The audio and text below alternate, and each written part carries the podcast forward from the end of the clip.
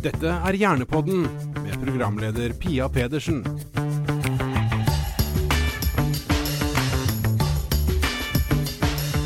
Hjertelig velkommen til en ny sesong av Hjernepodden. I noen episoder fremover nå så vil du få møte mennesker som jobber med hjerneforskning. Og andre mennesker som også har en hjerne, kan vi si. Eh, disse forskerne gjør jo en veldig viktig jobb med å undersøke og samle inn informasjon, og bidrar til å gi oss andre veldig viktig kunnskap om hjernen. Og dette hjelper oss um, alle sammen, enten vi er friske eller syke, til å leve gode liv. Det er liksom litt sånn heia hjernehelsen, denne podden her. Og i dag, i eh, den første episoden, så skal vi snakke om hukommelse og demens og eh, en del andre ting som sirkler rundt de ordene der. Og da har jeg gleden av å ønske velkommen til våre to gjester. Først hovedpersonen i, i dag. Det er Audhild Freberg Iversen. Velkommen hit. Takk. Du er ø, 84 år. Født i 39. Mhm. 37. 37! Det noterte jeg feil. Jeg er ikke så god i matte. Allerede har jeg avslørt min dårlige Men du er engasjert som både advokat og frivillig i Senior Norge. Ja. Mm. Og så gjest nummer to, det er Andreas Engvig. Velkommen hit. Takk. Og du er først og fremst, kanskje her i dag, forfatter av boken 'Demensbrems'. Det stemmer. Ja. Og så er du i tillegg legespesialist. Eh, jobber til daglig ved Oslo universitetssykehus Ullevål. Jeg ser bort på deg for å se at du nikker, at jeg ikke har, uh, sier noe feil her. Hjerneforsker med doktorgrad på hukommelse og aldring. Det er korrekt. Ah, jeg, har jeg presentert dere nå riktig, og dere føler, føler nå at dere er sett og hørt? Absolutt. Ja. Mange Ja, takk for invitasjonen. Veldig bra. Altså, vi skal snakke om eh, hjernen i eh, eldre år, kan vi vel si. Og Audhild, hva tenker du er det viktigste for å ivareta hjernen? Altså, du har jo en supersunn hjerne, tenker jeg. Har du ikke det? Jo. Tenker ikke du også det? Jo, den, den funker. Ja, den funker bra, den. Ja. Hva tenker du, hva gjør du for å holdt på å si, ha det bra i, med hjernen din i livet ditt? Jeg gjør vel ikke noe bevisst med hjernen som sådan, men jeg, jeg tror jeg lever en temmelig regelmessig liv. Eh, Regelmessig du sover og spiser Ja, og går tur ja. og mm, lager middag hver dag. Lager middag, ja, ikke sant? Eh, og er ganske aktiv rent fysisk. Det blir mer slitsomt om sommeren, nei om vinteren, når jeg må gå på, på Glatte- as asfalt. For jeg er ikke noe så glad i det. Jeg er glad i å gå i skauen. Ja. Pluss at det er vel glatt og Ja, eh, sånn Mm. som det har vært i vinter, så Mm. har det nesten ikke vært mulig å, å komme ut i skauen. Og så har jeg hatt et prolaps, og Mm. så måtte jeg være litt ekstra forsiktig. mm. Men eh, jeg, jeg tror akkurat hva jeg gjør for hjernen Jeg prøver jeg, jeg, Hva tenker du er viktig for å ha det bra når man er på din alder?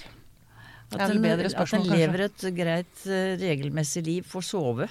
Ja. Ikke stresse altfor mye, men gjøre ting som eh, en har litt glede av selv.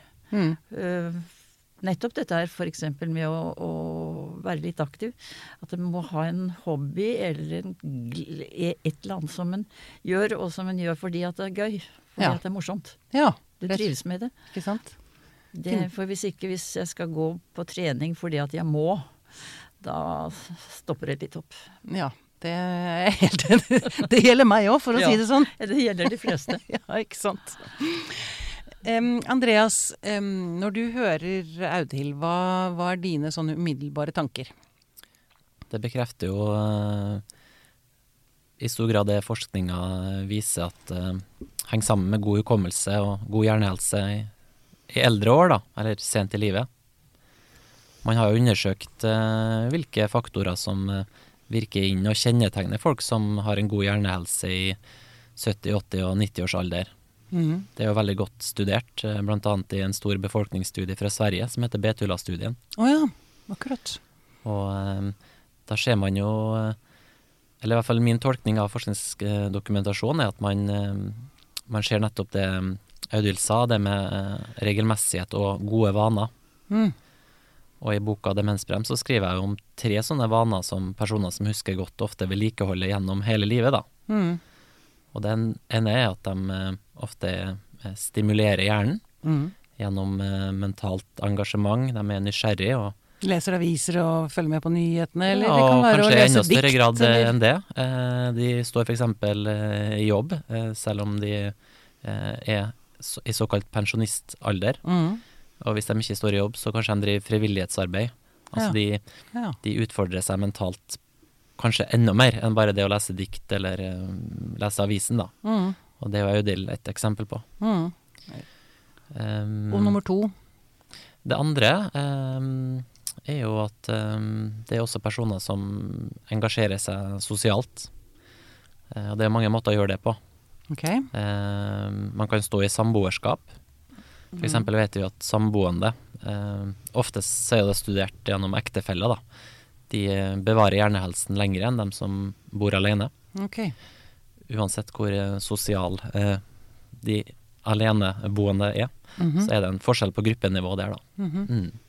Og det samme gjelder rikheten av sosiale nettverk. Ser som det spiller en rolle, da, på Mhm. gruppenivå. Det vil, Mm. finnes helt sikkert folk som er Variasjoner er det alltid. Ja, men Ja. de store tallene tyder på at det, at det spiller en rolle, da. Mm. Og, og det siste som er relevant når man kommer inn i, i pensjonsalder, er at eh, eh, de her menneskene de eh, vedlikeholder sansene sine. For du vet, hjernen den blir jo stimulert gjennom sansene. Og i, i hovedsak så gjelder jo det syn og hørsel, da. Ja. Og um, er det noe som kjennetegner aldring spesielt, så er det jo at uh, både synssansen og hørselssansen blir svekka, f.eks. gjennom grå stær eller aldersrelatert uh, hørselstap. Mm. Men uh, mange av de her personene som er, har de her gode vanene, da, de søker ofte hjelp, f.eks. ved hjelp av eh, høreapparat. De eh, får eh, fastlegen til å henvise dem for Mm. operasjon for grå stær osv. Så, videre. så de korrigerer de her syns- og hørselssviktene som de eventuelt har, så godt de kan, da. ja. Um, så det er det tredje. Mm. Ja.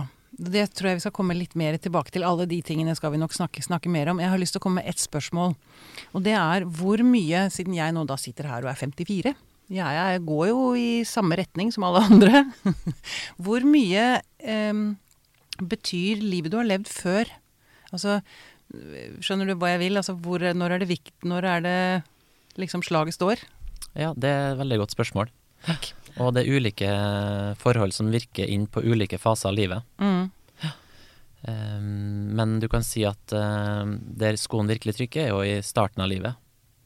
Altså ved fødsel, holdt jeg på å si. Eh, Altså spedbarn. I starten av livet, um, det regnes ofte fra fødsel og frem til begynnelsen av 20-årene, hvor hjernen Ja. utvikles. Akkurat. Og i den fasen så er det faktorer som eh, setter spor for resten av livet, når det kommer til hukommelsen. Som det kan være traumer, det kan være fysisk aktivitet osv. De forholdene som spiller aller størst rolle, det er i hvilken grad man gjennomfører eh, utdanning. Eh, Og da tenker jeg på grunnskole da, i, i hovedsak. Det er -hmm. der skoen virkelig trykker. Mm. Og det ser vi jo spor av i eh, lavinntektsland f.eks., Ja, nettopp. hvor, hvor det spiller en stor rolle for utvikling av demens mange, mange år senere. Da. Ja. For det er da du utvikler hjernen din, og hvilket nivå hjernen din får utvikla i løpet av de første årene, eh, det, det, det kan du på en måte ikke ta igjen. Nei, Hjernen er mest akkurat. eh, formbar i starten av livet. Mm, ikke sant. Ok. Mm. Men der, vi, der er jo vi veldig heldige i Norge, da. Vi er ekstremt privilegert her, da. Ja. Mm. Veldig bra. Ok. Um, ehm, jeg har lyst til å snakke litt om Eller ja, vi må bare begynne et sted. Det er jo så uendelig mye vi kunne snakket om her. Eh, men hvis vi f.eks. begynner med Du, du snakket om, Audhild, ehm, det å finne glede. Det tenker jo jeg må være kanskje noe av det aller viktigste. Altså ha en mening med livet ditt. Mm. Ikke sant? Ja. eh, da har jeg lyst til å snakke litt om ensomhet. Du var inne på det du også, Andreas. Altså, eh, vi har jo eh, Ser man en økning i ensomhet blant eldre i Norge? Det Mm. vet kanskje du mest eh, best, Audhild?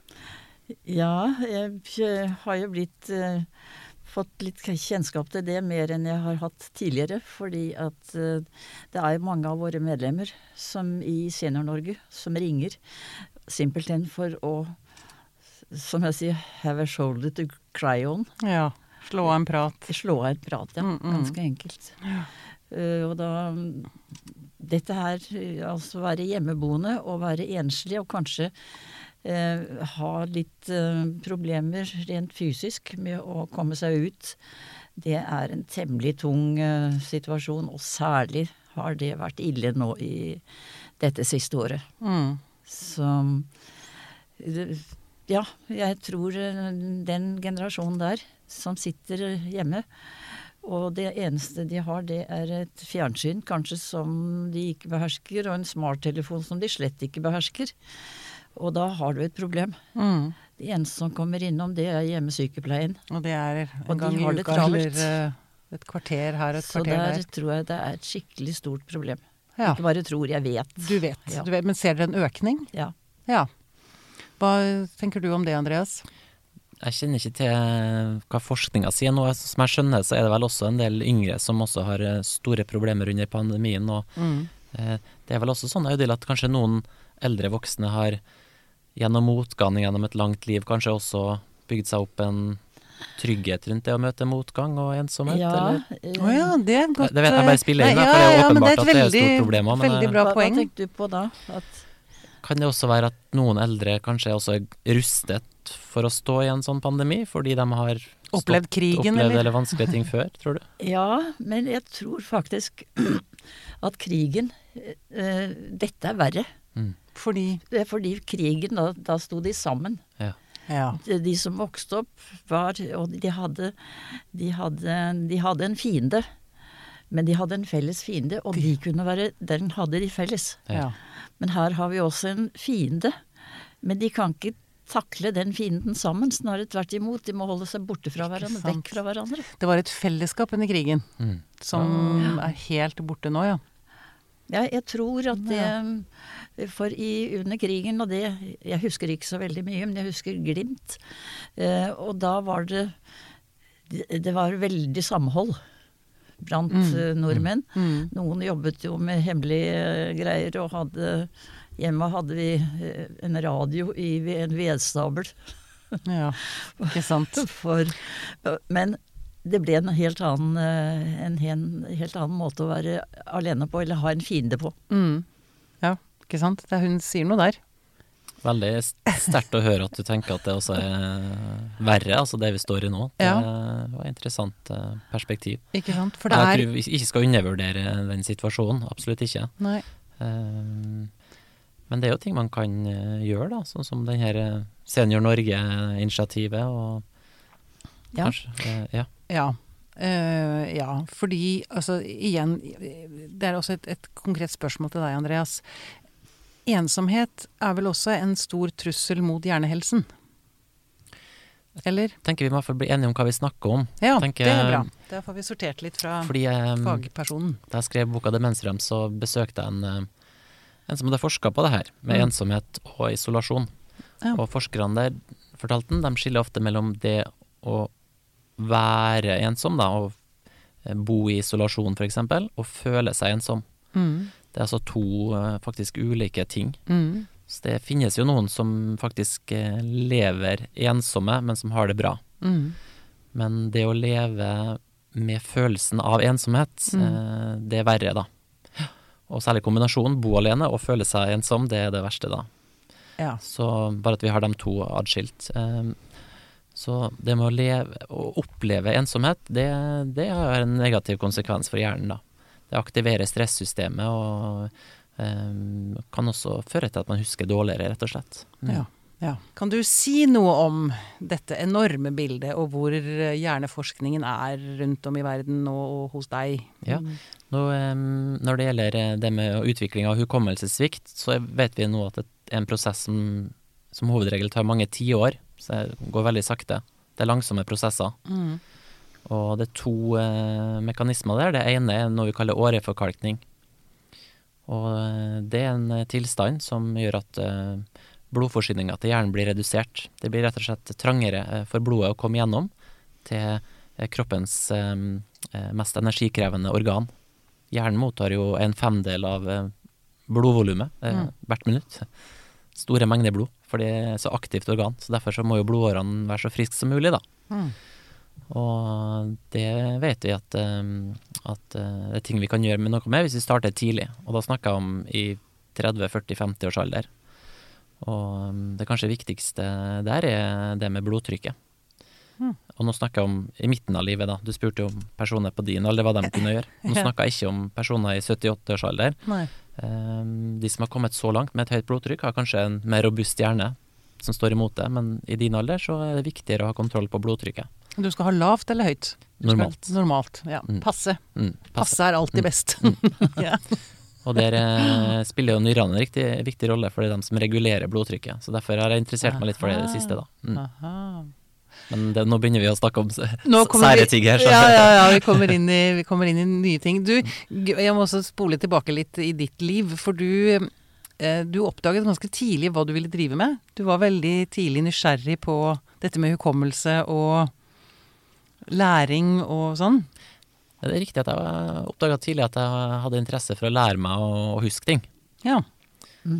Men at det ble eh, aldring, det var litt tilfeldig. Ja. Så det var ikke sånn at jeg visste at jeg skulle bli eh, geriater og skulle jobbe med hukommelse hos eldre. Det var mer det med å lære og, og det med å huske og hukommelsesprosessen som interesserte meg fra veldig ung alder. da. ja.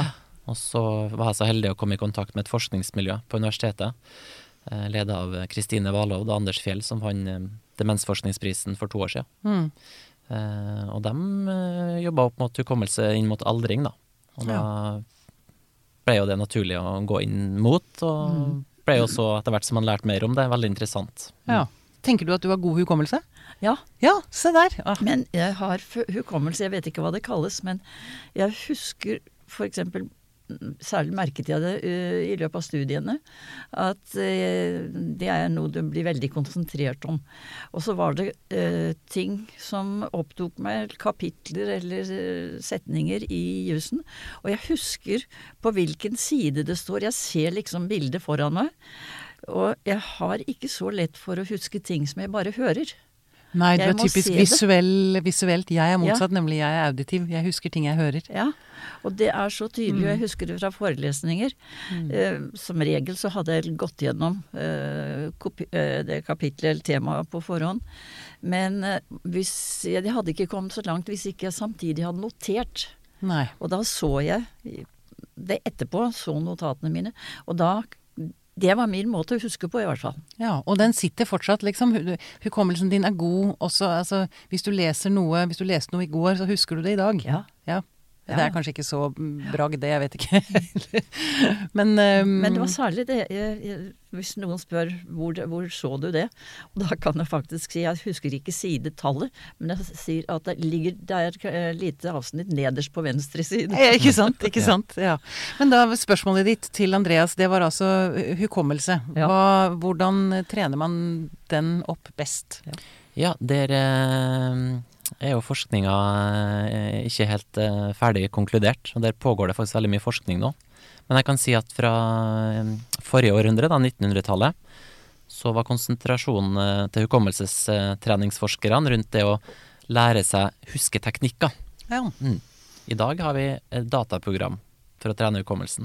Men for å ta de husketeknikkene først, da, så er det jo veldig interessant det du sier med at du er veldig visuell i din måte å huske på. Fordi eh, eh, de tidlige studiene de ble gjort på en visuell husketeknikk. Og da trente man på å se for seg det man skal huske, langs ei rute i langtidshukommelsen. Okay. Eh, oppgavene kunne være sånn Se for deg huset der du bor. Mhm. Se for deg inngangsdøra. Så går du i eh, tankene i entreen, Mhm. og videre fra rom til rom. Mhm. Og når du senere skal huske noe, da, og trene deg på det, så skal du se for deg bilder av det du skal huske, Ok.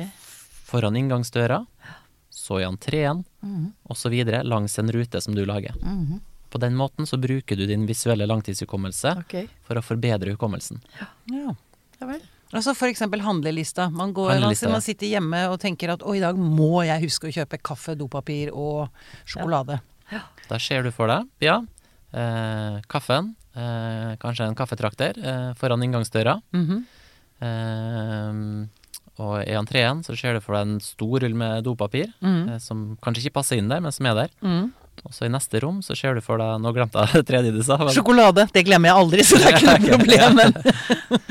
Og det har, eh, har jeg og også andre kollegaer på universitetet visst at forbedrer hukommelsen veldig, da.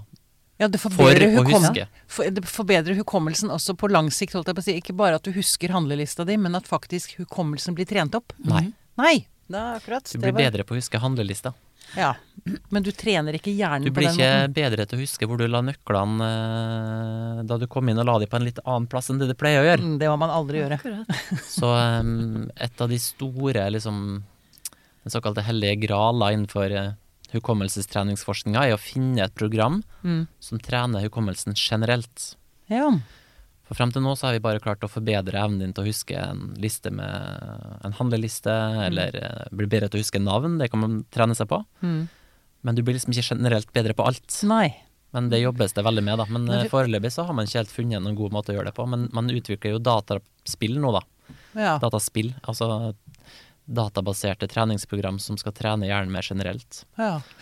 Jeg, er ute etter jeg skal, Unnskyld, nå avbrøt jeg deg, Audhild. Men jeg er ute etter altså et sånn Man har jo treningsprogram for muskler. Mm. ikke sant? For å trene Du vet akkurat hvordan du skal trene for å få Yes. større biceps eller eh, lekrere ben, eller hva man nå er ute etter.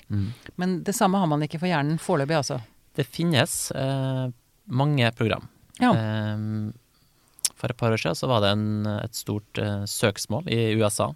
For mange av de her hevda jo da å kunne forbedre hjernen generelt. Mm. Men det ble tilbakevist i flere studier, og de måtte be tilbakebetale flere millioner dollar pga.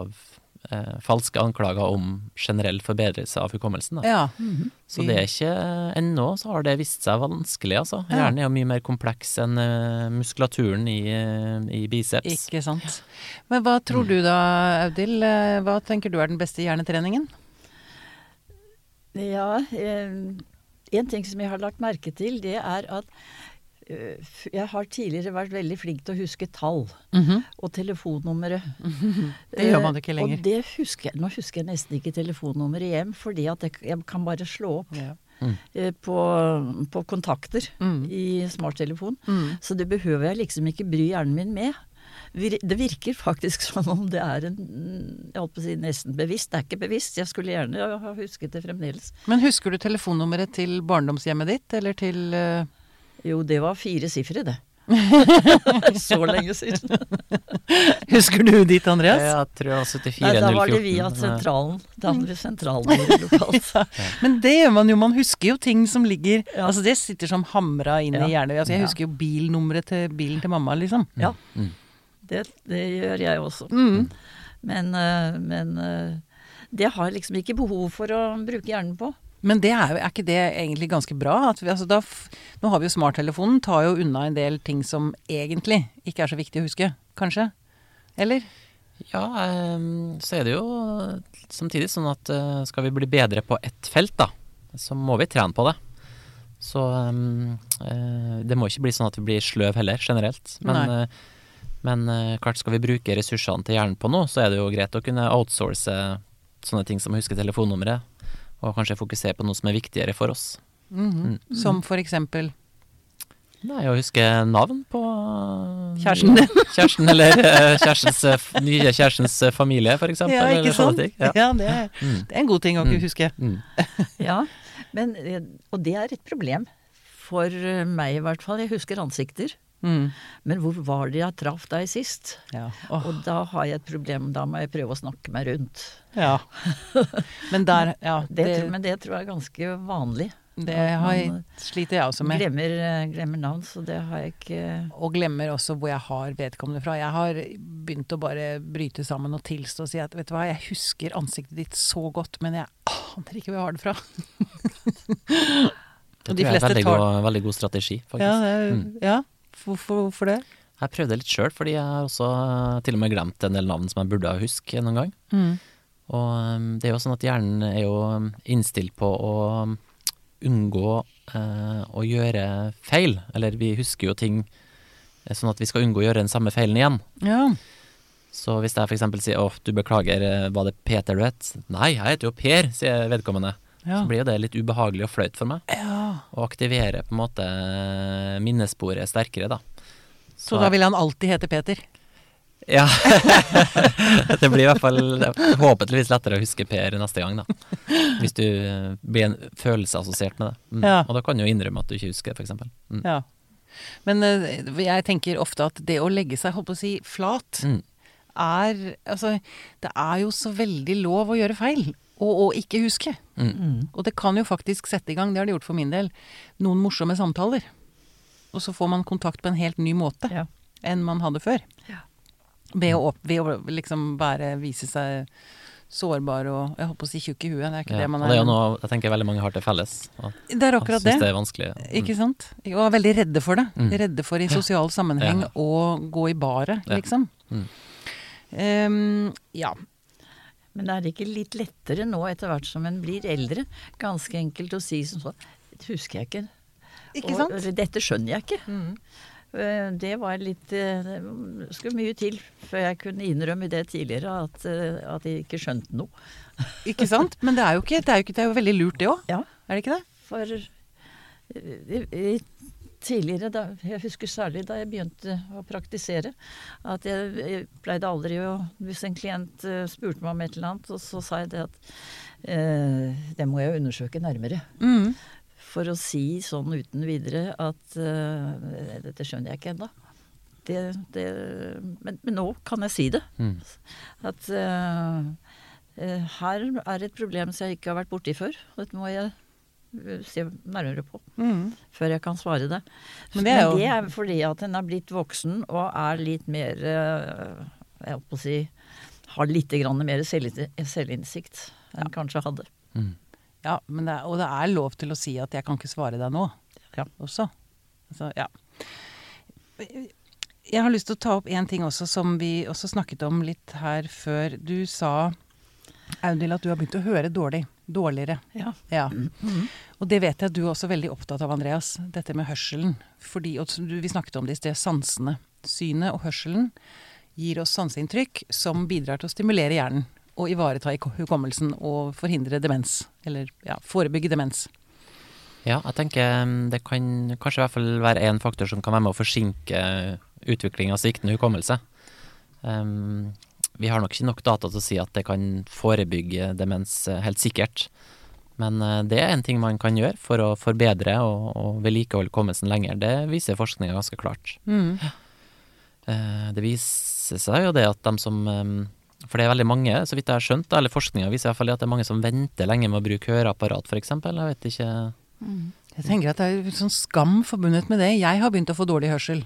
Ja. Um, og det, er, det sitter langt inne Ja. å gå med høreapparat nå, tenker jeg. Men jeg har lyst til å spørre deg, hva, hvordan påvirker det livet ditt at du har nå fått noe nedsatt hørsel?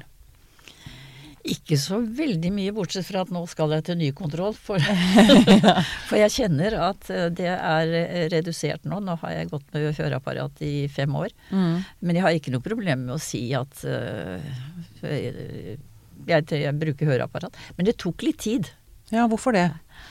Ja, det var liksom jeg begynte å bli gammel og skrøpelig og Det vil man liksom ikke vedkjenne seg. Nei. Det, var- Det er også veldig dumt. tid. Ja, synes jeg. Særlig når jeg skulle klippe håret, så ville jeg gjerne at eh, klippet nedenfor øre, øreflippen, sånn at eh, det høreapparatet ikke skulle synes. Ja.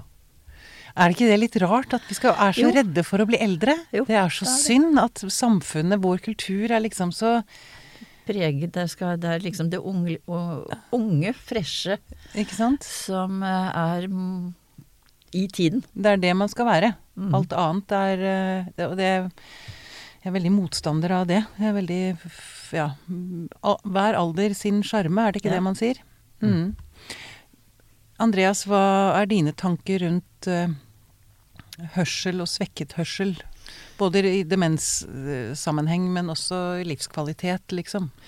Det man i hvert fall ser, er at eh, det virker som hukommelsen kan bli redusert i seg sjøl. Det handler vel kanskje om at eh, hørsel er så viktig for å få inn informasjon som skal huskes. Ja. Og det er beregna at det er den risikofaktoren ehm, som eh, ehm, angår flest i forhold til demens i befolkninga. Av alle såkalte risikofaktorer. Da. Hørselen er Ja. det viktigste? Ja. Ja. Nei, ikke viktigst, Nei, men den angår flest. Den angår flest! Ja, det var det. Ja, akkurat. Så det er en distinksjon. Eh, Ja, og det handler om at det er så vanlig.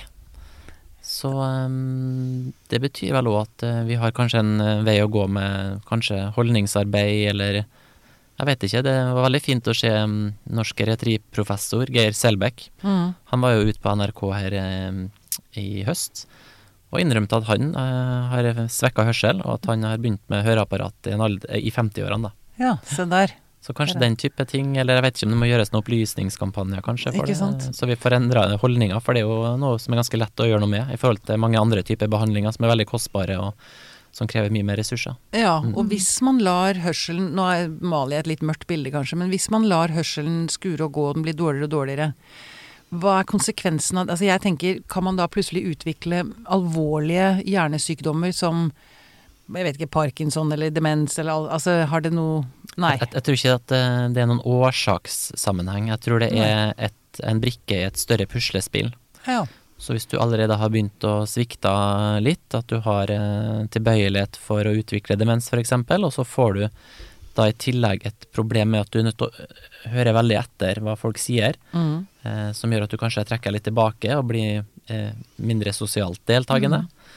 Og eh, eh, på den måten kommer inn i en negativ spiral. ja. Og så er det eh, litt eh, godt, tror jeg, å få noen utfordringer Ja. Ja. som, eh, som du må streve litt med. Men får du til eh, For det første må du skjerpe deg, og så får du litt mestringsfølelse. Oi, dette fikset jeg. ja, mestringsfølelse er også viktig. Og klart noe nytt. Ja, Lært ja. noe nytt. Som jeg gruer for. Ja. Så Men- kom det noen eksempler. Hva, har- hva har du gjort noe sånt nå i det siste? Hvor du liksom tenkte er at det jeg skal nå. Jeg skal hoppe Jeg skal uh, uh, Nei, jeg vet ikke om jeg tør. Tør å si det, eller tør å gjøre det? Nei, jeg tør å si det. ok, nei da, du skal få slippe. Ja. Skal ikke presse deg på det. Men tror ikke det er at det med å stå i et slags form for arbeide eh, etter Jo, for man er eksempel i- for mitt vedkommende så får jeg stadig nye utfordringer utfordringer i jobben. Ja. Med mm, løse nye problemer. Eller ja, og, og finne løsninger. Jeg tror jeg er ganske løsningsorientert. Men jeg må jobbe litt med det. Og, og lure på hvordan jeg skal komme i land. Og den prosessen er, Ja, den er prosessen egentlig er det viktigste viktigste der, ikke sant? Men da jobber min hjerne veldig godt om natten. Ja. Denne hjernen han hviler ikke hele natten. Nei, det, det tror jeg også er veldig interessant, for det tror jeg også den seneste hjerneforskninga antyder veldig sterkt det du Ja. sier der, da. At natten er viktig Ja, for hukommelsen og for Ja, eh, ja. bearbeiding av eh, ting som har skjedd gjennom dagen. Mm. Nå mot slutten så har jeg lyst til å gå til Eller det er jo det vi snakker om, altså ensomhet. Jeg, bare, vi snakket, jeg snakket med, med dere på telefon før denne samtalen her. eh, Så nevnte jeg et eksempel med pubkulturen i England. Mm. Som jeg tenker er en veldig god ting for eldres helse.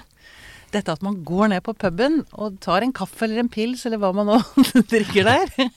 Den kulturen har ikke vi i Norge.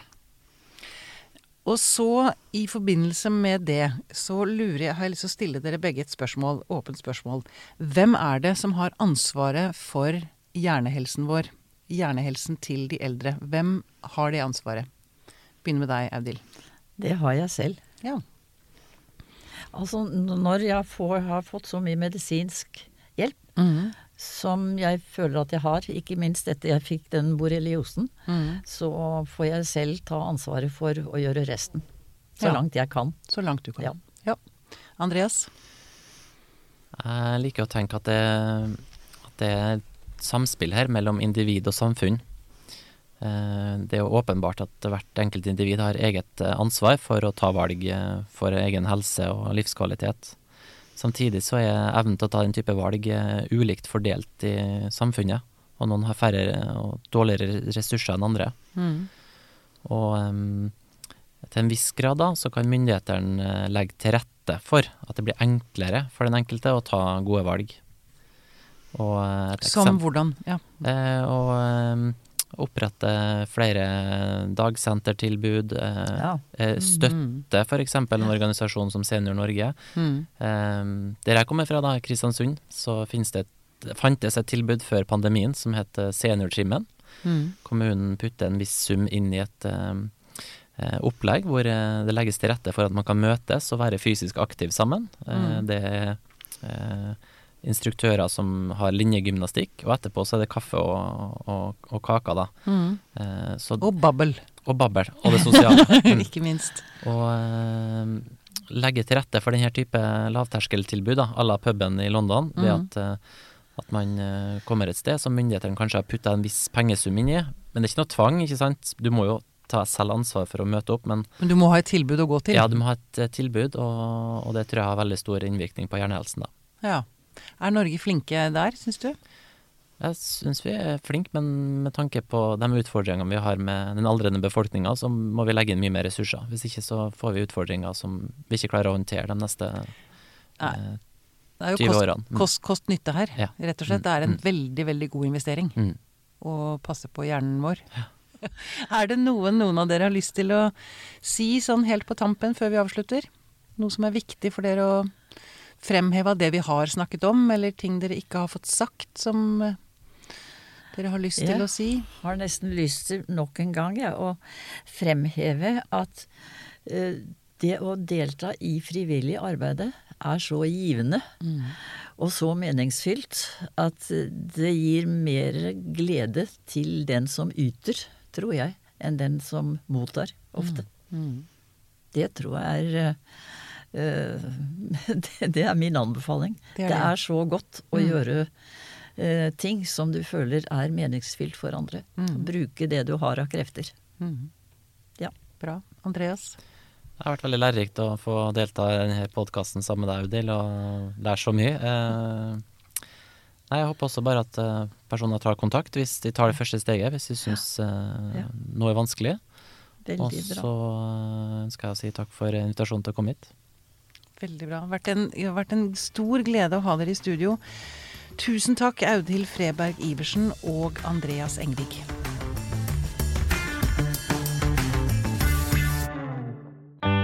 Denne podkasten er produsert av Tid og lyst.